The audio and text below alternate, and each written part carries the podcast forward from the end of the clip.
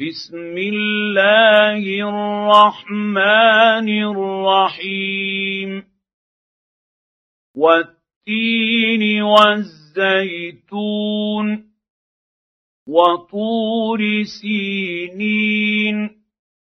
وهذا البلد الأمين. لقد خلقنا الإنسان في أحسن تقويم ثم رددناه أسفل سافلين. إلا الذين آمنوا وعملوا الصالحات فلهم أجر غير ممنون. فما يكذبك بعد بالدين.